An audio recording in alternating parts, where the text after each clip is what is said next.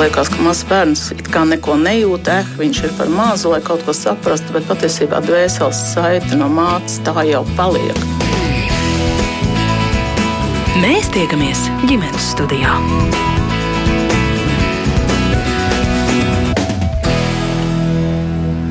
Labdien! Savu skanējumu sāk Latvijas radio vienas ģimenes studija pie mikrofona Agnēs Linka, ar jums kopā arī viss šī rādījuma radošā komanda. Kritiskā domāšana, jo dienas jo biežāk tiek pieminēta kā viena no veiksmīgi funkcionējoša cilvēka tādām būtiskākajām spējām, tā ir definēta arī kā viena no pamatprasmēm pilnveidotajām mācību saturā, kas jāapgūst jau no bērna kājas, tā saistīta ar mediju pratību, taču izrādās, ka tikai katram trešajam pusaudzim Latvijā ir ieradums pārbaudīt informācijas patiesumu, pirms viņš ar to dalās interneta vidē, un vairāk nekā pusi atzīst, ka skolā nav mācījušies, kā pārbaudīt informācijas patiesumu. Tā liecina kāds jauns pētījums. Ko tad īsti nozīmē kritiskā domāšana un mediju pratība, kā tās saistītas un kādā formā šīs prasmes tiek vai netiek pašlaik mācītas Latvijas skolās? Par to šodien sarunu ģimenes studijā, kā vienmēr jūs klausītājs, esat laipni aicināti aicināt pievienoties tai ar kādiem jautājumiem vai komentāriem. Ja tāda rodas, rakstiet mums no Latvijas radio mājaslapas, bet mani sarunu biedri ģimenes studijā šodien ir politikas doktors, skeptika kafē vadītājs un dezinformācijas pētnieks Mārtiņš Hiršs. Labdien! Sveiki! Arī dzen drošāka interneta centra vadītāja Latvijā Māja Katkovska kopā ar mums ģimenes studijā. Labdien! Labdien! Un telefoniski mums pievienojas Latvijas debašu asociācijas valdes loceklis, debašu treneris Edgars Klētnieks. Esat sveicināts! Labdien! Un sveicienus uz Valmieru sūtu arī Valmieras pārgaujas valsts gimnāzijas latviešu valodas un literatūras skolotājai Vinetai Zēģelai. Labdien arī jums! Jā, labdien! Nu, tad sākt mēs varbūt varētu ar tādu definīciju noskaidrošanu, ja par kritisko domāšanu, tīpaši tagad eh, pandēmijas eh, laikmetā un kontekstā mēs runājam daudz, eh, secinam, ka tās trūks daļai pieaugušo, tad varbūt ir jāsāk ar noskaidrošanu, kas tad īsti ir kritiskā domāšana, kā jūs to formulētu. Mārtiņš piekrīt. Jā, jā nu, es sākšu ar to, kas nav kritiskā domāšana. Psiholoģijā ir tāds termins maģiskā domāšana. Un, tas ir tas brīdis, kad mēs tā kā, nu, kā naivi bērni, saskatoties jaunu informāciju, mēs tai noticam. Nu, ja pirmā reakcija, ja saskaros kaut kādu apgalvojumu, ir, ka jā, kāpēc ne, tā ir tā maģiskā domāšana. Kritiskā domāšana ir pretstats, ka tā pirmā reakcija ir, kādi ir pierādījumi, kāds ir pamats tam, ko otrs saka vai apgalvo. Nu, informācijas, ko mēs saskaramies, saskaramies izvērtēšana, pierādījuma meklēšana un arī to savu uzskatu pārbaudīšanu un atjaunošanu laika gaitā.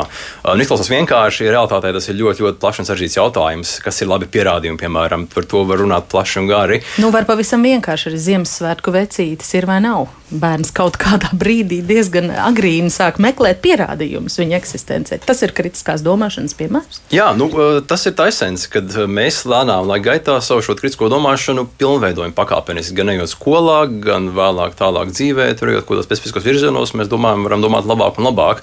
Bet tur daudz dažādas problēmas tam nāk klāt. Mēs varam būt kritiski domājoši, skeptiski un zinoši vienā jomā citā jomā mēs varbūt neko nezinām. Piemēram, ja es nezinu neko par Izraēlas vēsturi, jūs man jebko varat stāstīt par Izraēlu, jo es vienkārši neko nezinu, man ir kaut kādas pamatzināšanas, un es varu kļūdīties, man ir apmuļķot. apmuļķot. Tā kā kritiskā domāšana, tas nav kaut kāda panacēja, kas notiek, visu iz, iz, iz, iz, iz, iz, izglābs, izārstēs.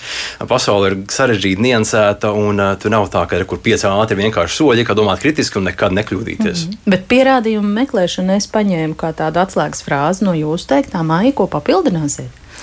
Nu, būtībā Mārtiņš ļoti vienkārši jā, pateica, izstāstīja to, Esenci. to galveno, galveno būtību. Jā, ka mēs varam būt profesionāļi un ļoti labi pārzināt vienu jomu, eh, bet eh, nu, tas nenozīmē, ka mēs pārzinām citu. Un tad varbūt ar tādu piemēru, nu, ja mēs eh, ejam pie zobārsta, ka mēs, saga, mēs sagaidām, ka mums nu, zobārsts ārstēs zobu. Un, piemēram, skolēns ja, nu, aiziet pie zobārsta un pēkšņi viņam ienāk, teiksim, viņa, nezinu, um, datorikas skolotājs ienāk un saka, nu, tad tagad ārstēsim tev zobus. Nu, protams, tajā brīdī būtu šoks, nu, kā, man, kā jūs man ārstēsiet zobus, jūs neko nesaprotat. Ja?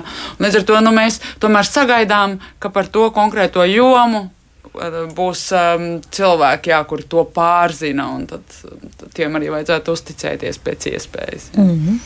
Vineta, jums kā pedagogam gribu arī dzene vaicāt šo pašu, kā jūs no savām profesionālajām pozīcijām saredzat, kas ir kritiskā domāšana, nu kā tas ierāmējas jūsu ikdienas darbā ar skolēniem, vispār šī jēdziena klātbūtne?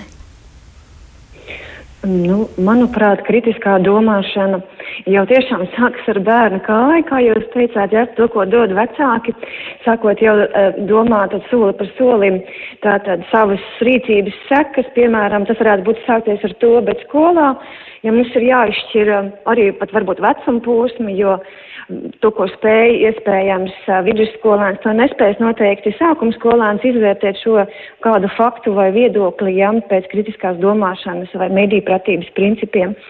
Tad uh, skolās šobrīd aktuāli, vismaz manās klasēs, kurās es mācu, ir teikt skolēniem, ka domāt ir nopietni.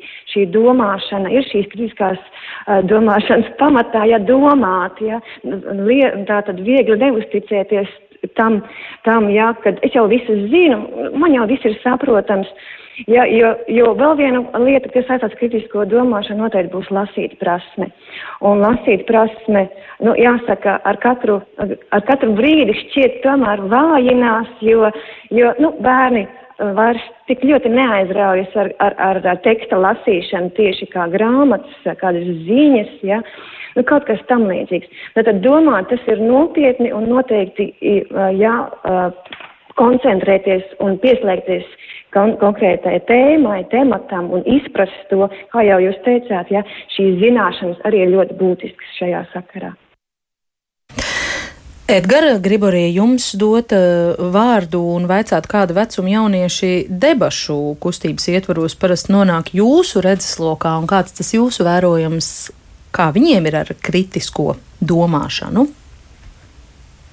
Jā, uh, vispirms gribētu arī atbildēt uz iepriekšējo jautājumu, kas īsti tāda kritiskās domāšanas, tāda vienkārša definīcija. Un es domāju, nu, tur ir uh, divi tādi svarīgi aspekti. Tad, Pirmais, kas ļoti svarīgi kritiskai domāšanā, tas ir visā šajā informācijas jūrā, kas kļūst plašāk un plašāk, ir saprast, kura informācija ir laba un kura nav tik laba.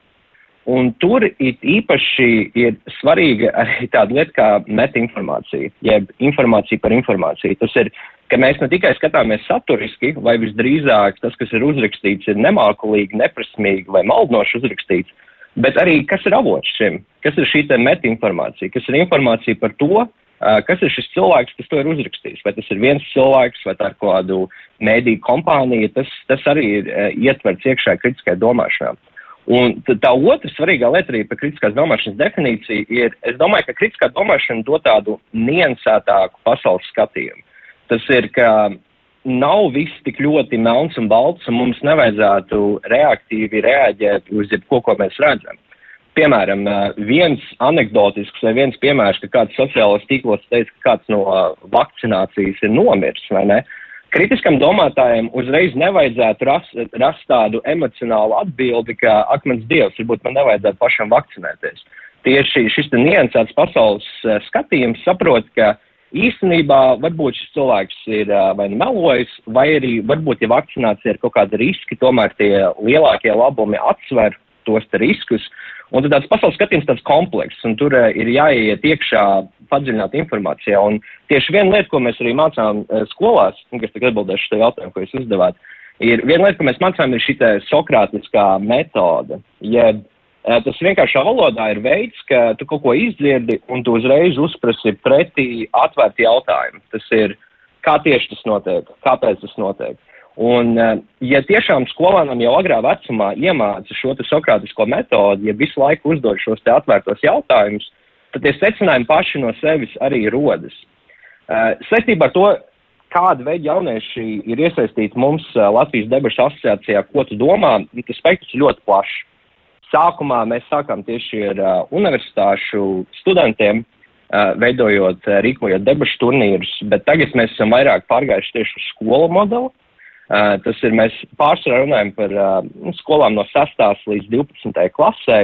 Uh, mēs arī ļoti specifiski cenšamies pēc iespējas uh, lielāku uh, rīču dabūt tieši lauku reģionu skolās, Un, jāsaka, ļoti dažādas pasaules skatījumus mēs esam redzējuši no jauniešiem no visas Latvijas, bet tas, tas galvenais, ko es gribu teikt šajā sakarā, ir, ka tomēr kritisko domāšanu var iemācīt, es domāju, pilnīgi jebkuram. Un tas ir vienkārši jautājums par to, kādas metodas pašreiz tiek izmantotas un kāda, pieņemsim, arī ir uh, valsts skolu uh, sadarbība ar, teiksim, arī nevalstiskajām organizācijām, kas ir vienkārši gatavs atnākt kaut vai uz katru, katru klasi un pastāstīt vairāk par to, kas tieši ir kritiskās domāšanas un debešu prasmju labumi.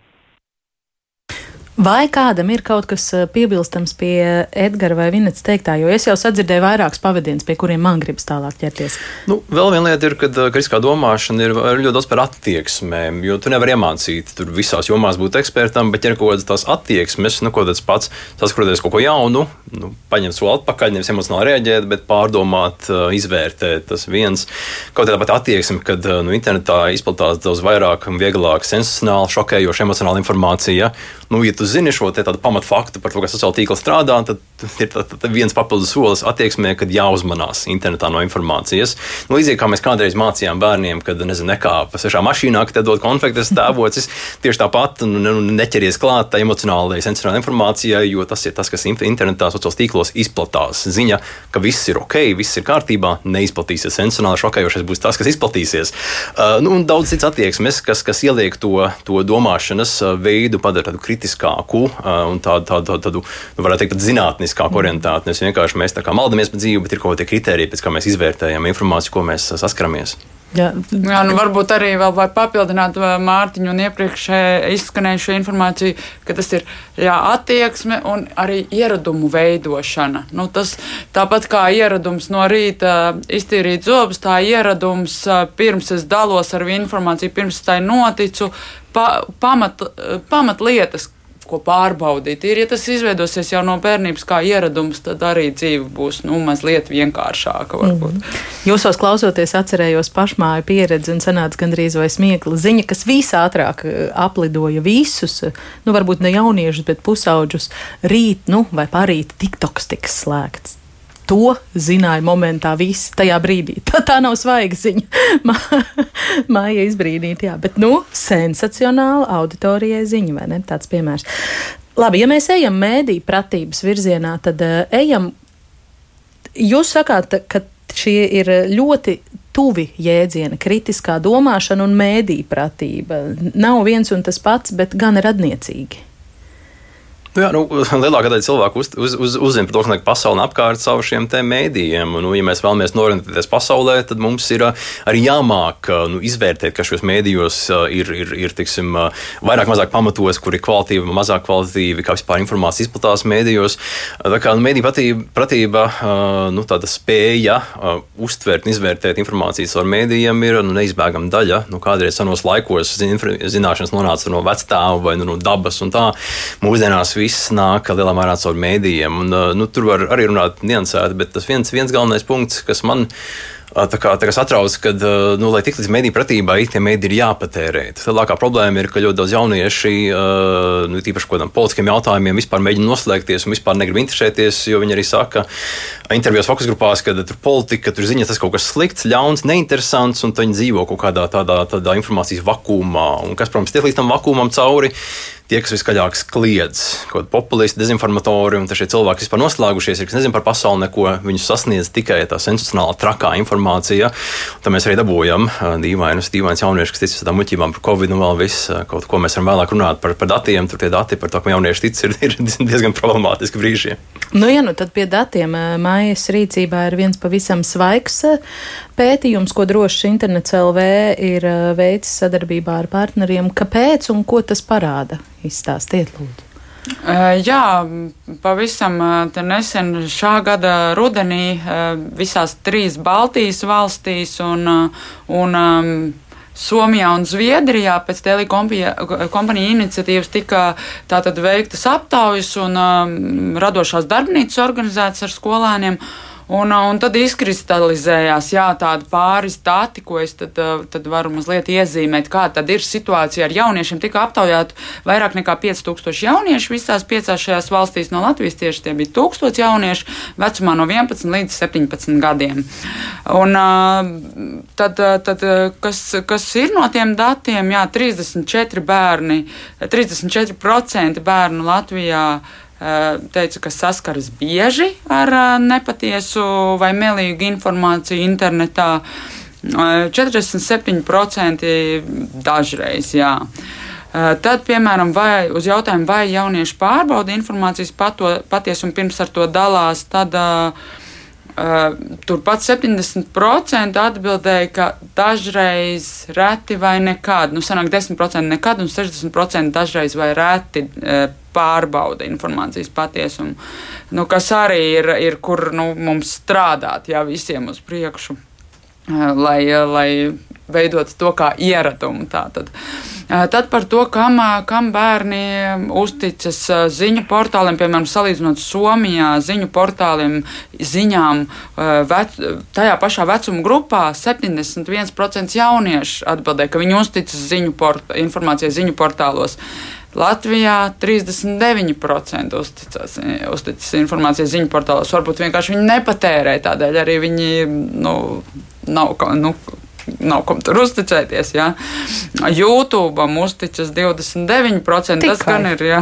Kā nu, katrs nu trešais jā, būtībā uzticas um, tam, kas ir YouTube, ko viņi mm. tur redz. Un sociālajiem tīkliem um, arī informācija sociālajos tīklos nu, ir apmēram 15% Baltijas valstīs, kas, kas uzticas. Um, un uh, kas ir interesanti, ka, ka YouTube un, un Facebook šiem sociālajiem tīkliem vairāk tieši ļoti izteikti vairāk uzticas Baltijas valstu jaunieši. Skandināvijas, eh, Somijas, eh, Zviedrijas jaunieši būtiski mazāk, kur, eh, nu, manuprāt, tas galvenais iemesls ir tas, ka Skandināvijā jau no pirmās klases ļoti nopietni pieiet medīpratības tēmai.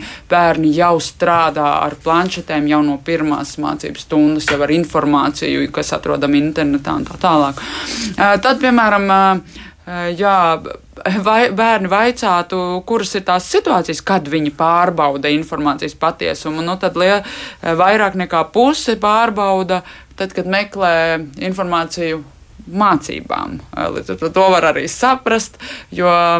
jo No nu, acīm citādāk vienkārši dabūs sliktu atzīmi, ja kaut ko nebūs pārbaudījuši un aplamu būs uh, ierakstījuši. Savukārt, nu, kas ir tā mazliet uh, nu, eh, tā bēdīgāk, ka, ka tikai 30% pārbauda to informāciju, ko dažādas slavenības influen un influenceri mm, ievieto internetā, ko viņi pauž, kāds viedoklis. Līdz ar to šajā brīdī ļoti liela atbildība ir uz, uz to, uz influenceru šo goda prātu, ar kādu informāciju viņi, eh, viņi dalās. Uh, Un um, vēl kas ir būtiski, ka ļoti liela loma jauniešu tādas uh, kritiskās domāšanas attīstīšanā ir vecākiem tieši, jo uz jautājumu, ko tu dari, lai pārbaudītu, vai informācija ir patiesa, lielais vairums, 64% jauniešu teica, ka viņi jautājot vecākiem.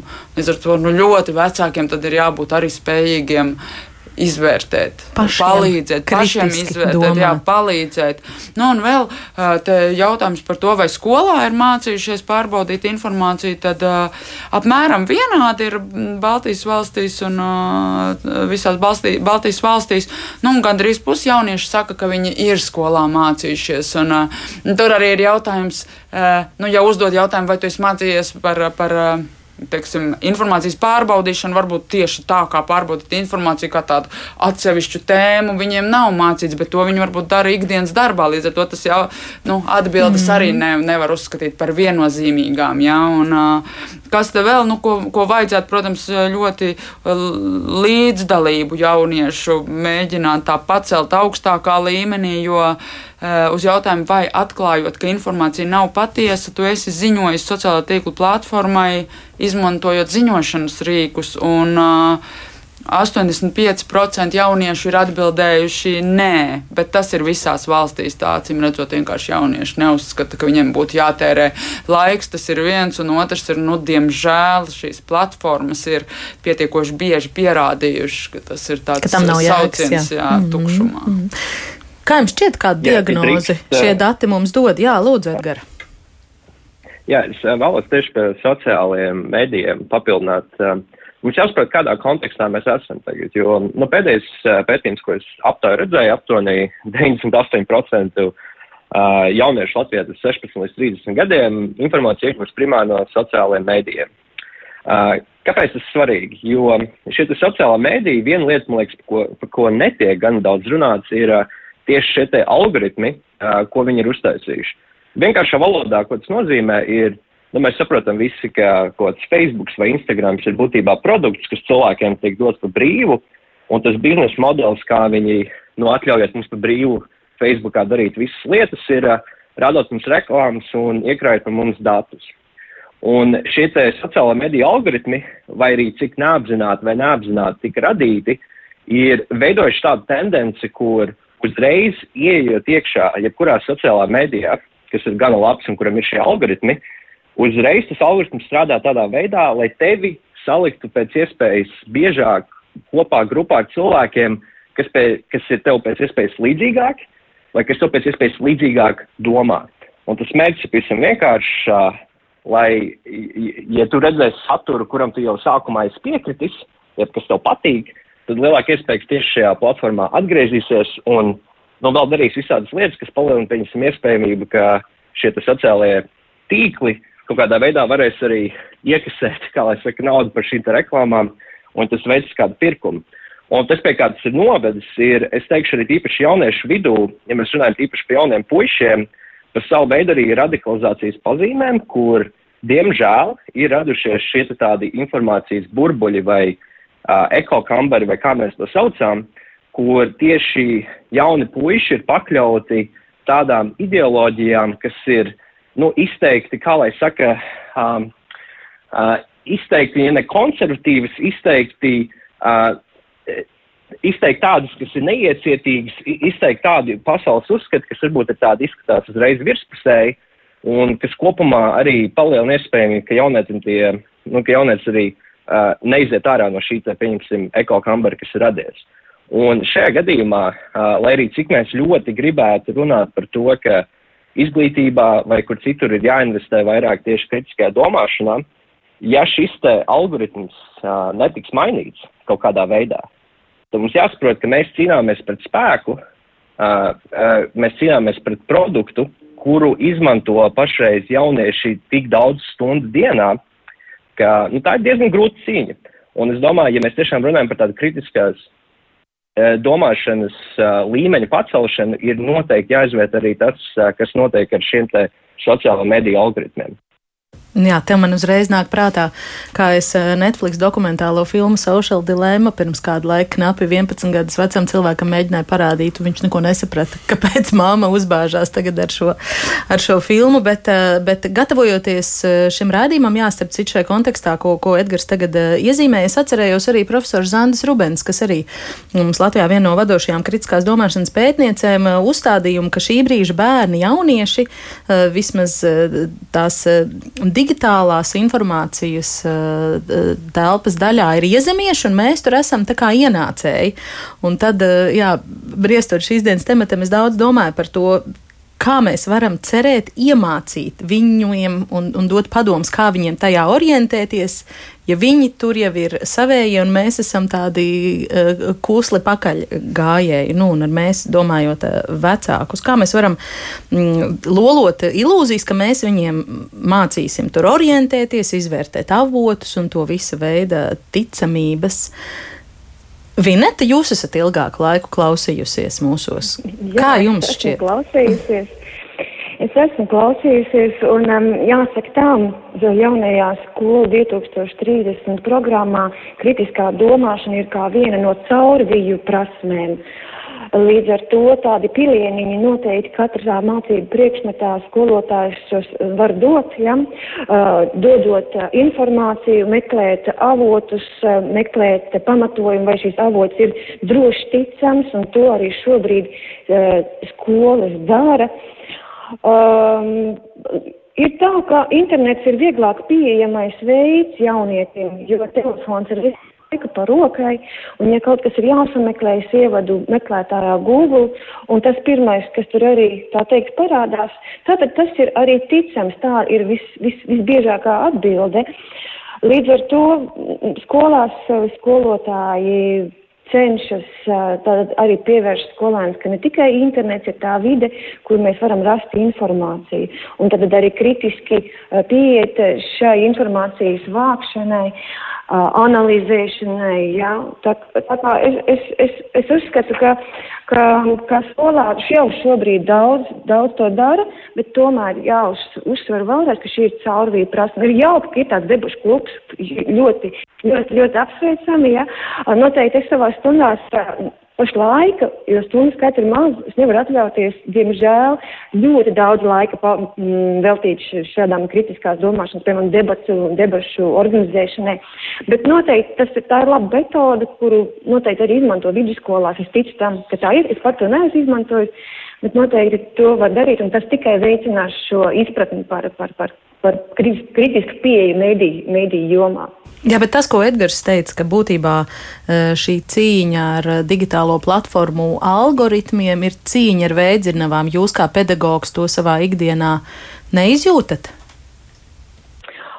Patiesībā nē, jo man laikam gadījies tā, ka man skolāni uztic diezgan man, viņi jautā, vai tā ir tiesa man, paši varbūt tā kā, varbūt arī tā nē, es domāju, tas ir jauki, ka ir kādam, kam pajautāt, vai ne, un skolotājs, nu, tad ir tas, kuram pajautās pirmais.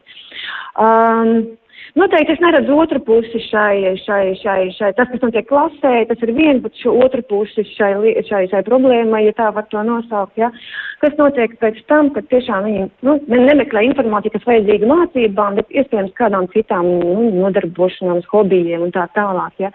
Tā kā man grūti komentēt šobrīd, kas, kas notiek tātad otrā pusē šai medaļai, ja tā tā var teikt. Mm, Mārtiņš gribēja ko vilst arī. Jā, uh, nu, tas, ka vecāki vai arī skolotāji iemācīs mēdīju pratību digitālās prasmes, eh, nu, to ir diezgan naivi cerēt. Eh, skolotāju vidējais vecums Latvijā ir 56 vairāk gadi. Uh, nu šie cilvēki ir ar nu, jauniešiem, ar digitālo pasauli uz jūsu, un tur cerēt, ka iemācīs uh, tur, tur kā orientēties 21. gadsimtā, ir diezgan, diezgan naivi. Tā ir milzīga problēma. Tā ir milzīga problēma, ka skolotāji Latvijā noveco ļoti, ļoti strauji, uh, kad mēs jaunieši ne, ne, nu, neiesaistām tik ļoti par skolotājiem, kā varbūt uh, teiksim, Somija, kas ir tas vislabākais piemērs. Un uh, kopumā arī, arī par vecākiem ir problēmas, jo ir bijušas dažādas aptaujas, kas salīdzina šo mediju pratības dažādus jautājumus ne tikai jauniešu vidū, bet visas sabiedrības vidū. Un, piemēram, viens no jautājumiem, nu, vai jums ir svarīgs avots? Informācijai pirms jūs to dalāties sociālos tīklos, tad jā, jauniešiem ir svarīgākais. Trešdaļa saka, kā, kad, kad, kad, kad, ir, kad, kad nav svarīgs. Kamēr jo lielāka vecuma grupa, jo arī vairāk, vairāk cilvēku saka, ka avots nav svarīgs. Jo, nu, kā, nu, tas ir īpaši senioriem, kādreiz bija tā, ka bija tā viena avīze, bija tā panorāma, un to, ko tu tur pateici, tas bija, bija patiesība. Nu, viņi dzīvo pavisam citā pasaulē, viņi nav adaptējušies tajā jaunajā pasaulē.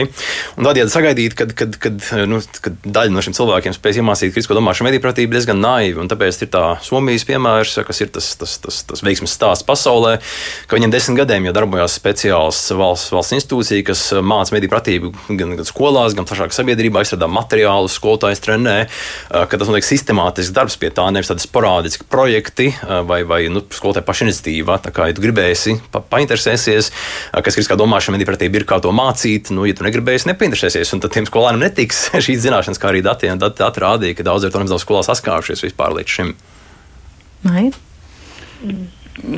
Nav, nav jā, daudz, daudz ko piebilst. Ja nu vienīgi tā, tā galvenā atšķirība, nu, negri, negribu arī galīgi norakstīt, ka mēs vecāki nevaram nekādīgi palīdzēt bērniem veidot izpratni par. par lietu kārtību un to informāciju internetā. Mums savukārt ir šī uh, dzīves pieredze jau pietiekoši izveidojusies uh, un, uh, un spēja varbūt uh, adekvātāk izvērtēt kaut kādas situācijas un informāciju. Un līdz ar to nu, būtībā ir jāliek kopā tas, ko jaunieši šīs viņa digitālās prasmes un mūsu pieredze un spēja adekvātāk novērtēt informācijas nu, vai situācijas nopietnību, ja, un liekot to kopā, nu, tāda mijiedarbība ir, un arī tas, ka mums, pieaugšiem, ir jāmācās no bērniem, jauniešiem, ir jāklausās, ko viņi dara, ja, līdz ar to es pieļauju arī,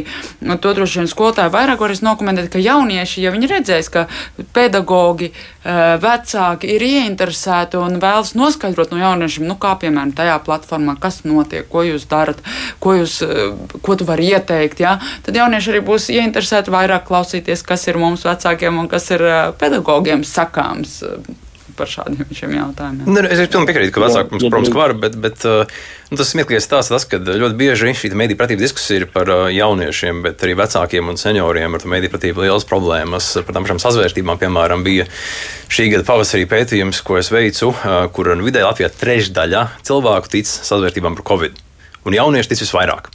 It kā šausmīgi, bet pirms diviem gadiem tas pats pētījums pētīja ticības sazvērstībām, nu, tam vecajām. Tur viņa toņus amerikāņi paši sagrāva, ka ebreji kontrolē pasauli un vēl visu kaut ko tādu. Un tur tieši tie gados vecākie cilvēki tam visvairāk tic un jaunieši vismazāk. Tā nav tā, ka tur jaunieši būs tur, nezinu, tur digitālā pasaulē mm. apjukuši un samanipulēti. Nē, nē, visas vecuma grupas uzķerās uz muļķībām internetā, bet arī apkārtējā dzīvē. Nav tā, ka tur, tur, nezinu, tur skolotāji vai, vai pieaugušie būtu imūni. Edgars, tagad vārds jums.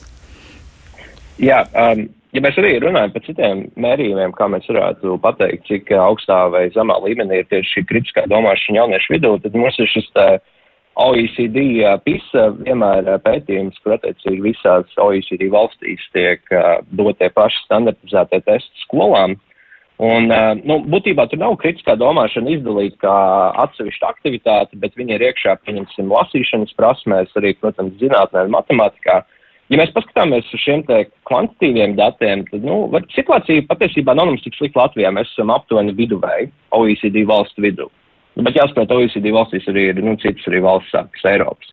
Uh, viena lieta, ko es vēlos pateikt, ko man liekas, uh, kas ir tā arī tāds apkopojums, tas, kas iepriekš tika teikts, ir, uh, kāda īsti ir valsts loma šajā draudā, ka mums iespējams nākamais paudzēs ir iztrūkums tieši mediju pratību un kritisko domāšanu. Jo uh, Nu, pat ja tās ir viduvējas prasmes, tas nav gan labi. Man liekas, tam mēs visam piekritīsim.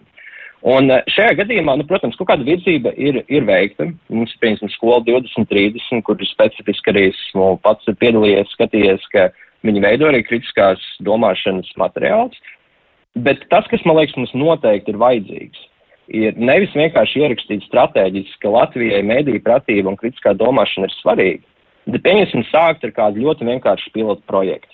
Tas ir visās Latvijas skolās, kaut kādās vecuma grupās, tiek iedots valsts standartizēts tests par mediju pratību tieši un kritisko domāšanu, kas ir visobjektīvākais, vislabākais veids, kā mēs saprast, kur tieši mēs mērāmās metrikās stāvam tagad, pašreizējā paudzes kritisko domāšanu. Un tas būtu tas pilotu projekts, kas varētu atkārtoties vēl arī citus gadus, bet tas arī, manuprāt, būtu vislabākais šis satura avots, ko mēs varētu iegūt, lai papildinātu esošo izglītības programmu. Mums, es teikšu, visi tie dati, kas iepriekš tika aprakstīti, ir vairāk kvalitatīvi dati. Aptaujas, kur tiek jautāts jauniešiem, vai viņi paši apskatās avotu, vai viņi kaut kam uzticās vai nē, balstās uz subjektīvu izpratni par to, nu, kas, kas vispār ir avots vai kas ir uzticība šajā skatījumā. Mums tiešām vajag vienreiz to izdarīt, pēc iespējas ātrāk uztaisīt tādu lielu testu visiem Latvijas jauniešiem, par ko, nu, nosaucoties atzīmes, neviens neliks. Ja? Bet uh, mums ir vajadzīgi šie dati pēc iespējas ātrāk, lai varētu reāli rīcību politiku izveidot. Jo laiks ir maz. Jo, ja mēs paskatāmies jau kopš 2008. gada, tas ir ASV vēlēšanām, sākās uh, pirmās indikācijas, ka tieši sociālai tīkli spēja lielā mērā ietekmēt to, kurā virzienā ies vēlēšanas. Tas kļuva izteiktāk 2012. gadā ASV vēlēšanās, un pa 16. un 20. gadu, man liekas, man vispār nevajag runāt, jo visi aptuveni zina, kas tur ir noticis. Uh, tas pats arī var notikt Latvijā. Uh, arī Latvijā mums ir jāskatās, ka tomēr sociālo mēdīju uh, lietošana aug, ļoti strauji aug, uh, ne tikai jauniešu starpā. Tas ir ļoti svarīgs informācijas veids, uz ko iespējams mūsu potenciālie vēlētāji izvēlēsies savu izvēlu beigās. Un šis ir tāds strateģisks draudz, par ko mums tiešām jādomā. Ir vajadzīga skaidra valsts politika, kā mēs pēc iespējas ātrāk varam iegūt datus un attiecīgi risināt visas tās izrietošās problēmas. Lūk, ne tikai skolas vai vecāku atbildība, bet arī uh, valsts ieinteresētību šai gadījumā, Edgars, jūs akcentējat. Es saprotu, ka jūs ar, ar ideju arī tāda, ka nemazāk svarīgs diagnosticējošs šāds darbs varētu būt kā matemātika vai latviešu valoda, vai ne? Jā, es... uh, jā tieši tā. Nu, nu, būsim atklāti. Uh, šie visi skolēni, kas pabeigts 12. klasi, būs vai nu cik 19, 18 gadus veci. Viņi jau varēs balsot, jau var balsot laikā, kad viņi ir skolā. Uh, kas ar viņiem notiks pēc desmit gadiem? Vai viņi joprojām turpinās uh, uzturēsies šajos informācijas burbuļos, kuru izstās uh, ietekmi kļūst optimizētāk, jeb labāk? Šis tiešām ir, ir ļoti svarīgs aspekts, kur jābūt proaktīvai rīcībai tieši no valsts, vai tā ir izglītības ministrija vai kāda cita. Tas, man liekas, nav svarīgi. Bet datus vajag ievākt tieši tagad, un kaut ko darīt arī vajag pēc datu ievākšanas. Jā, es atgādināšu, ka ģimenes studijā mēs šodien sarunājamies par to, kāda ir Latvijas jauniešu un skolēnu izpratne par kritisko domāšanu un mēdīju pratību. Datu mums nav, bet ir viedokļi. Mm, man viesis šodien ģimenes eh, studijā ir eh, skeptikafē vadītājs Mārtiņš Hiršs, drošāk interneta centra vadītāja Latvijā Maika Kovska un telefoniski ar mums kopā debašu treneris Edgars Klētnieks un Valmieras pārgaujas valsts ģimnāzijas latviešos literatūras skolotāja Vineta Zēģela. Lai vēl nedaudz dažādot šo sarunu ģimenes studijai, radās tāds nolūks uzrunāt eh, par šo tematu pašus jauniešus. Un, lai izvairītos no tādas situācijas, ka mums šeit eh, studijā pievienotos kāds viens vai daži īpaši inteliģenti izcilnieki, kuri runātu kā no grāmatas, tad mēs nolēmām uzrunāt tiešām pavisam nejauši. Tepat Rīgas ielās sastaptus eh, skolēnus paklausīsimies, kā mums gāja. Kāda ir jūsu izpratne par to, kas ir kritiskā domāšana? Jums kaut ko par to skolā māca? Ir kādos mācību priekšmetos kaut kas? Es domāju, gandrīz ne, nav tāda. Nu, mums mācīja tā, lai mēs pēc tam nākamajā gadā, kad to atkal ar to strādājam, mēs atkal to zinājām, lai vieglāk tā būtu saprast nākamo tēmu. Māca kaut ko iegaumēt, bet kas ir kritiskā domāšana? Kritiskā domāšana cipa, ir tikai varbūt tādas kad mēs rakstām grūtus kontroldarbus pēc vienas vai divas stundas ar domāšanu ar tēmu. Par mēdīju pratību? Nē, tādu mēs nemācām. Nē, nē, nē. Nu, arī neko nesapratu. Kurā klasē jūs esat? Desmitā. Vai jums skolā māca kaut ko par to, kas ir kritiskā domāšana, vai kā jūs to vispār izprotat, kas tas ir? Nē, nē es nezinu. Nav nekādas nojausmas, kas tas ir kritiskā domāšana. Nē. Nu, kas tas varētu būt? Nu, domāšana. Tā nav vienkārši nu, domāšana. Tādos uh, kritiskos brīžos. Piemēram. Piemēram, tad, kad tu nokrīt. mēdī pratība. Ar ko jums saistās šis jēdziens mēdī pratība? Es nezinu. Nav Nebūs. Kā piemēram atšķirt patiesu informāciju no viltus ziņām vai kaut kas tamlīdzīgs? Nerunājat nevienā priekšā skolā par to? Nē. Nē, nē. Vai uh, ir kaut kāda izpratne par to, kas ir kritiskā domāšana? Kritiskā domāšana. Nu, jā, man jāpadomā. Nu, Tas ir kaut kas, ko māca skolā. Nu, jā, mēs runājam par to dizaina stundā. Dizaina stundā. Jā, nu, jo tur. Tā kā, lai veidotu kaut kādas lietas, vajadzētu kritisko domāšanu, lai zinātu, kā kas ir svarīgi vai nu, dizainā.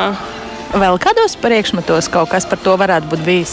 Oh, es nevaru īsti iedomāties. Vienīgais domā nāk tā dizaina stunda. Bet kas ir mēdīņu pratība, kā tu izproti?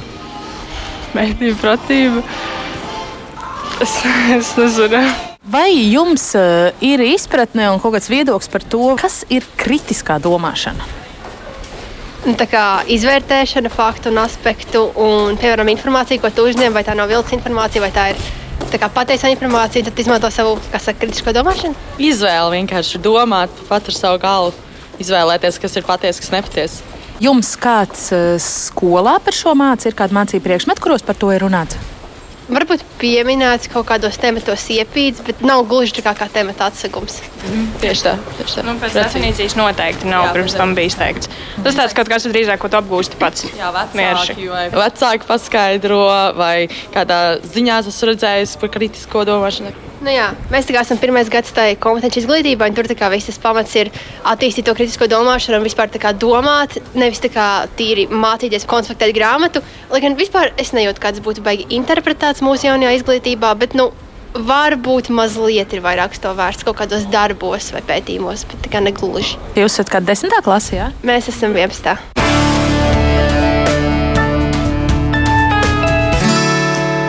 Tālāk daži nejauši sastapti šeit Rīgas ielās jaunieši. Protams, nav ne aptauja, ne reprezentatīvs pētījums, tāda īsa vietām teikt komiska situācijas ilustrācija mūsu šīs dienas temata kontekstā. Varbūt kāda komentāra par dzirdēto? Nu, es personīgi ar vārdu salikuma kritiskā domāšana pats saskāros tikai studējot. Es pieļauju, ka arī klausītāji var padomāt, ka viņi pirm, kad viņi pirmoreiz to dzirdēja, ja lielākā daļa skolā neko par to nav dzirdējuši. Un, nu, Nu, skatoties uz starptautiskiem pētījumiem, tā varētu būt tā, tā skola 2030 problēma, kad uh, pasaulē, ja šī kritiskā domāšana, mediju pratība ir ietērta mācību saturā, kaut kur viņai jāparādās, tad ļoti bieži viņa neko neparādās. Ja ir atsevišķi vai nu stundas, vai atsevišķi vieslektori iet uz skolām, kā Somijā, uh, tad tā kritiskā domāšana tiek pacelta tajā līmenī. Jo nu, šeit paši, paši, paši skolotāji, kuriem varbūt tā digitālās prasmes, mediju pratības prasmes nav baigi labās, viņas nekad neiemācīs uh, jauniešiem. Un tad, ja kā nākās no malas vai ir kaut kāds vienots šis mācību mācību stundu saturs izstrādāts, kas tad ir jāmācās šajās stundās. Tas jau ir daudz, daudz labāk, kvalitīvāk nekā vienkārši, nu, ja skolotājiem ir iedvesma, ir tās prasmes iemācīs, ja nav, ne, neinteresēs, būs pārāk pārņemts ar to, priekš, nu, to, to, to, to saturu, savu darbu, kas viņam jau tagad ir uzlikts, neko viņš neiemācīs. Tā kā, tā kā viennozīmīgi. Bet tajā pašā laikā plus ir tas, ka nu, to var mācīties visu dzīvi. Skolā nekas nav, tad augstskolā nu, jābūt, būtu jābūt tai vietai, kur šī kritiskā domāšana parādās. Jo no augstskolas pabeigt bez, bez, bez, bez kritiskās domāšanas nu, ļoti, ļoti grūti vajadzētu būt. Bet arī Latvijā ir augstskolas dažādā, dažādā kvalitātē, ir kvalitīvākas un ir mazāk kvalitīvas studiju programmas. Tā kā neobligāti augstākā izglītība nozīmē, ka tas ir kritiski domājošs, diemžēl. Vineta, ko jūs domājāt jauniešos klausoties? Viens iezīmējas tieši tā, ka tas arī ir ikdienā. Ir tas uh, viens, vien, vien, vieni jaunieši, kuri tiešām domā līdzi un viņi ir aktīvi un, uh, un, un, un, un interesējas par lietām, kas notiek apkārt, un ir otra, otra varbūt tāda otra, otra galējība, kad ir, ir tādi, kuri eh, tic visam, kas ir internetā, izlasa tikai virsrakstus, tālāk nav vērts iedziļināties, jo teksts ir garš un ir grūti, un es tur neko nesaprotu, ja. Un, un, un, un tā tad nevēlas vispār arī sevi apgrūtināt ar, ar, citām, ar citām problēmām, kas skar ārpus viņa komforta zonu. Ja? Tā kā tas tā tas arī ikdienā ir. Un, un, un, un, un tikai, protams, mēs kā skolotāji noteikti tam aicināti. Uh, uh, iedziļināties šajās uh, lietās un notikumos un, un pētīt un lasīt. Un tātad vēlreiz tāpat kā es sāku raidījumu sākumā, kritiskā domāšana mediju pratība ir ļoti saistīta ar lasīt prasmi. Un ja veicam šo, šo diagnosticējošo darbu mediju pratībā, tad atdursimies pret lasīt prasmi un informācijas ja, izpratni. Ja. Uh, tā, kā, tā arī ir ļoti svarīga lieta, pie kā vajadzētu strādāt, lai mēs attīstītu šīs visas jomas tā vienkopas kopā. Bet, ja es jums vaicātu arī par to, ko Mārtiņš nu pat pieminēja, ka pašiem pedagogiem ir svarīga eh, šī kompetence un prasme kritiski domāt un, un, un būt apveltītiem ar eh, mēdīju pratību, nu, vai tas ir kaut kas, ko, piemēram, pēdējo gadu laikā, kopš eh, tas jaunajā pilnveidotajā mācību saturā ir definēta kā viena no pamata caurvīju prasmēm, vai mēdīju pratība, kritiskā domāšana, vai skolotājiem ir bijusi iespēja apgūt, kā to mācīt, kas tas ir, vai tiek pieņemts, ka tā vienkārši ir tāda uh, spēja un kompetence, kas jums piemīt jau pat par sevi? Cik man zināms, noteikti mūsu skolā ir bijusi iespēja gan mediju pratību kursi, gan arī kritiskās domāšanas jā, mācības par, par to. Tā kā skolotājiem ir bijusi iespēja, un es domāju, ka vēl aizvien ir tāda iespēja, tikai ir jāmeklē, uh, kurš piedāvā šādu veidu apmācības, un, un tā kā tā, tā nebūtu nebūt nav problēma šobrīd. Edgar, vai jums ir vēl kāds komentārs varbūt par jauniešu teikto? Uh, jā, nu, varbūt tiešām nav tik liela vēl atpazīstamība šim terminam kritiskā domāšana, bet uh, es domāju, ka, ja, ja mēs tiešām runājam par to, kā mēs varētu pēc iespējas labāk ar jauniešiem uh, iemācīšot kritiskos domāšanas pamatprincipus, pavisam noteikti jāsāk jau ar uh, pirmskolu un sākuma skolu. Un tas uh, process tiešām nav sarežģīts. Mēs pat varam nelietot šo vārdu kritisko domāšanu, mēs varam teikt veselīgais saprāts vai, vai kā ir tas teiciens. Uh, ir, ir, ir ļoti vienkārši pamatprincipi, kā piemēram loģikas kļūdu atpazīšana, um, saprašana, ka kāda informācija ir izvē, iznesta ārpus konteksta. Tie ir tādi principi, ko esmu redzējis, ka pat uh, ceturklasnieki var uh, vienkārši iemācīties. Un, ja mēs runājam par skolotājiem, uh, es esmu strādājis arī ar vairākiem skolotājiem, kas tieši mums Latvijas debašu asociācija, ko tu domā, ir, ir vēlējušies tieši iemācīties apgūt vairāk kritiskās domāšanas prasmes. E, šis te pieprasījums noteikti ir, un man liekas, mums jābūt ļoti saprotošiem un pretīm nākošiem skolotājiem, jo e, šis te metodisko materiālu apjoms ir diezgan liels, es esmu arī pāris jums redzējis.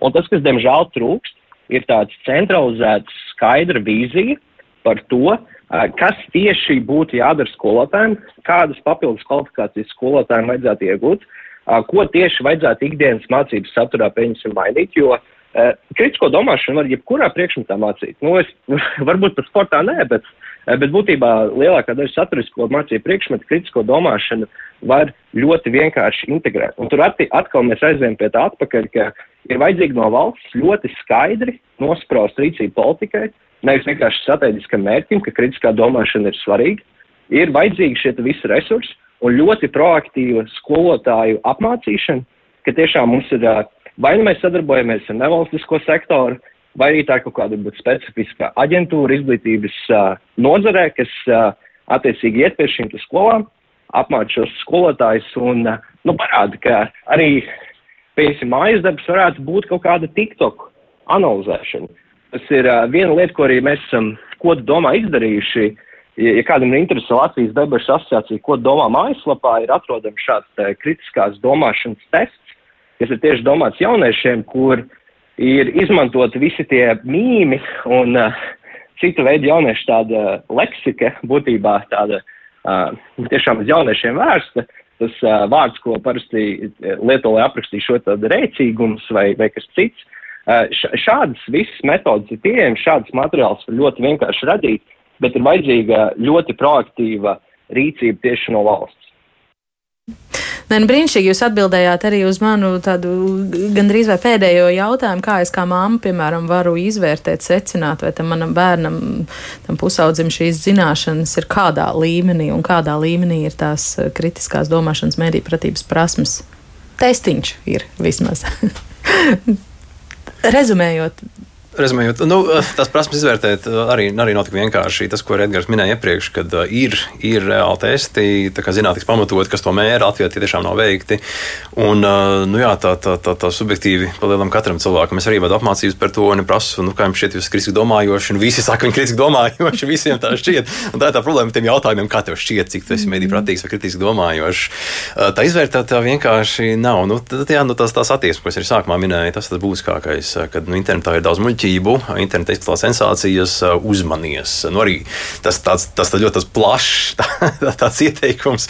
Bet nu, jā, tas ir tas arī, kad, kad pārunāt kopā ar bērniem šos gadījumus, kad ir bijušas kaut kādas muļķības izplatījušās vai Latvijā vai citur. Uh, nu, arī, bet arī, tas, protams, nav tik vienkārši sarežģīti, jo saprast, kas ir smieklīgs bērnam, kas ir smieklīgs internetā, jo internetā ļoti specifisks humors ir, ko pieaugušie varbūt absolūti nemaz nesaprot, un tu nevar īsti pat saprast, par ko tur vispār ir runa.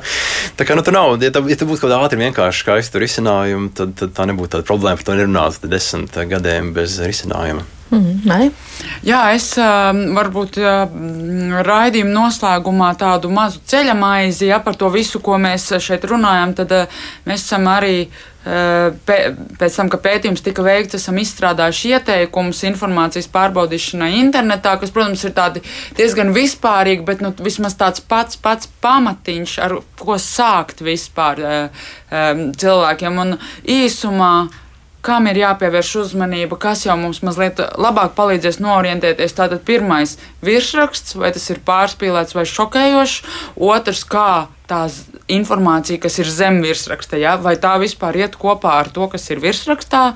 Treškārt, pārbaudām informāciju galvenokārt no tādiem aspektiem datums kad ir publicēts, ka, kas to ir publicējis, vai tam, kas to ir publicējis, ir kaut kāda, jebkāda saistība ar vai zināšanas par šo jomu. Trešais, vai ir fakti, vai ir uh, iekļauti arī fakti šajā informācijā, jeb tie tikai apgalvojumi, kas balstīti uz kādas personas vai personu grupu viedokli. Ja? Un, uh, un, uh, Pēdējais, jā, nu, izlasām komentārus, kas ir rakstīti, un tur būs dažādi komentāri noteikti. Un nu, rīkojamies, ja nezinām, nesaprotam, vai varam ticēt vai nē, jautājam kādam, ja saprotam, ka klāji meli ziņojam par to. Mm -hmm. Mazā reklāmas pauzīt arī droši internets LV. Nē, nav reklāmas, sociālais paziņojums. Paldies par sarunu. Ģimenes studijā šodien laiks palidoja. Vismaz man eh, vējas pārniem sarunu biedri šodien bija Mārtiņš Hiršs no Skeptika eh, Fē, droši internets LV Maija Katkovska, arī debašu treneris un Latvijas debašu asociācijas valdes loceklis Edgars Klētnieks un Valmieras pārgājus valsts ģimnāzijas latviešu valodas literatūras skolotāja Vineta Zēģela. Paldies, ka veltījāt savu laiku ģimenes studijas klausītājiem. Par rādījumu tapšanu šodien gādāja Ilza Zvaigzne, Regīna Bieziņa un es Agnese Link. Klausieties, protams, mums arī podkāstos sekojiet sociālos tīklos un uz sadzirdēšanos mismos.